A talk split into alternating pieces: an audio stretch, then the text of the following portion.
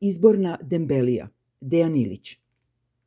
Hajde da krenemo od dobrih vesti. Nema ih. Pokušajmo ponovo.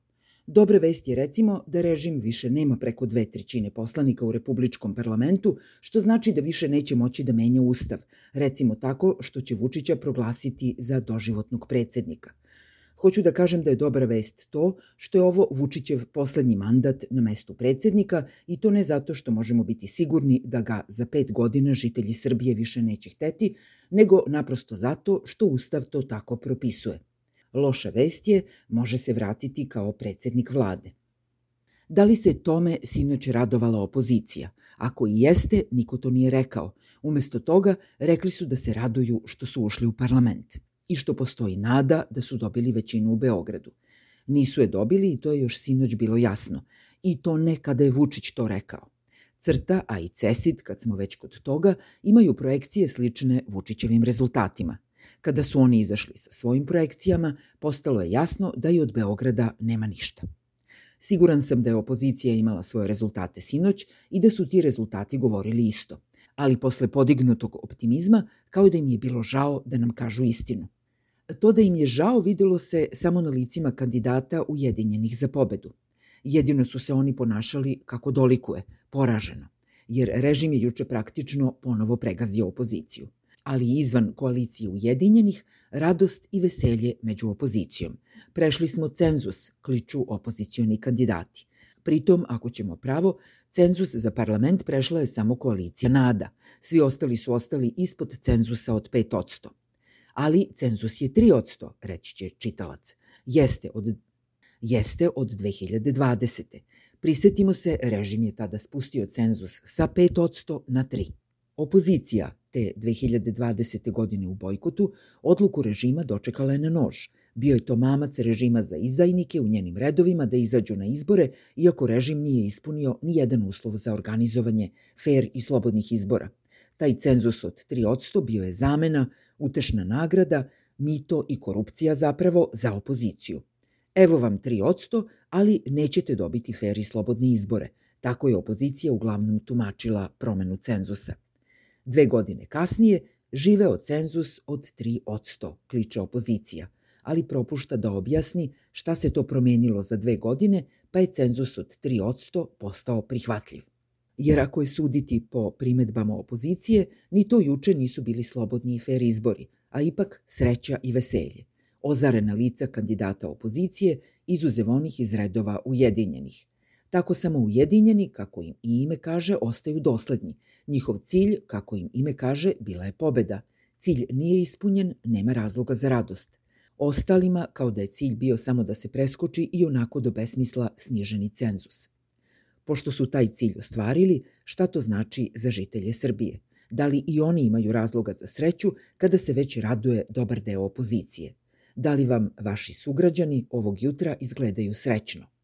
Teško je u Srbiji praviti poređenja između izbornih rezultata. Nema stabilnih aktera i koalicija na izborima, pa je svako poređenje ujedno i tumačenje ko je ko, to jest sa kojim prethodnim akterima treba povezati ili poistovetiti nove aktere – Uz tu ogradu može se reći da je Zdravko Ponoš ostvario na ovim izborima za predsednika rezultat gotovo istovetan rezultatu Saša Jankovića. Onda se govorilo da taj rezultat daje Jankoviću za pravo da ozbiljno uđe u politiku sa realnim šansama da na osvojenim glasovima gradi buduću izbornu pobedu. Nije se desilo. Ne treba se stoga zanositi Ponoševim rezultatom. Ako bi se poredili rezultati ovih izbora s bojkotovanim izborima iz 2020. ispalo bi da bismo u birače takozvane bojkot opozicije morali da računamo i ozbiljan broj glasača SPS-a. Na izborima od juče SPS je dobio znatno više glasova nego 2020. i praktično se vratio na rezultat iz 2016. To nam ne kaže da sa SPS-om treba računati kao na potencijalno ozbiljnog opozicijonog protagonistu. Znamo naravno da nije tako – i pošto nije tako, treba prestati verovati u bajku o pasivnim biračima opozicije. Povećana izlaznost nije rešenje za opoziciju u borbi protiv režima. Ovi izbori pokazali su da s povećanom izlaznošću raste broj glasova i za barem neke režimske stranke. Šta je onda rešenje za opoziciju ako nema tog dodatnog rezervoara iz koga bi dobila potreban broj glasova? Ovi izbori srušili su, a bilo je krajnje vreme za to, još jedan mit. Srbija nije podeljeno društvo. Naprotiv, Srbija je izrazito homogeno, radikalno desno nastrojeno društvo. Na tom desnom krilu gužva je tako velika, razlike tako male, da se ne vidi kako bi se tu mogao praviti širi prostor za opozicione, a desno orijentisane protagoniste. Dakle, prostor levo od centra nije prazan bez razloga. To pokazuje i rezultat Moramo. S ozbiljnim cenzusom oni ne bi ušli u parlament. Treba verovati, to što su uradili na Republici više je zasluga protesta protiv Rio Tinta s jakim antizapadnjačkim sentimentom nego njihovim levim politikama i pozivima na solidarnost. Rezultat moramo u Beogradu opet treba tumačiti nešto manjom važnošću ideologije na lokalnim izborima. Dakle, njihovo levičarenje nije im nanelo veliku štetu u Beogradu, ali treba primetiti i u Beogradu i na Republici Moramo je išao slabije od rezultata u istraživanjima javnog mnjenja.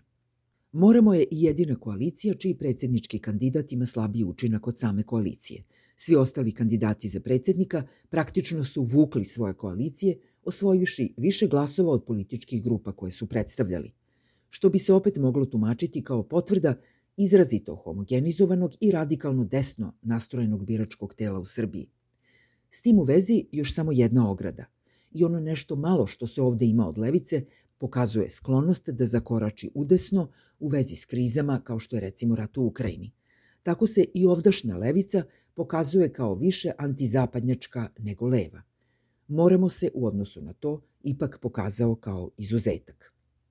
U vezi s tim, to što su preskočili novi republički cenzus treba videti kao uspeh.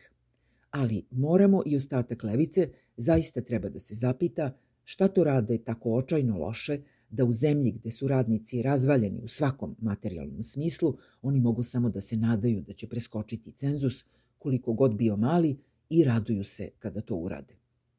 Kada se podvuče crta, izgleda kao da je Vučić ipak kreirao Srbiju u kojoj je svima dobro, čak i opoziciji koja se raduje samom prelasku cenzusa.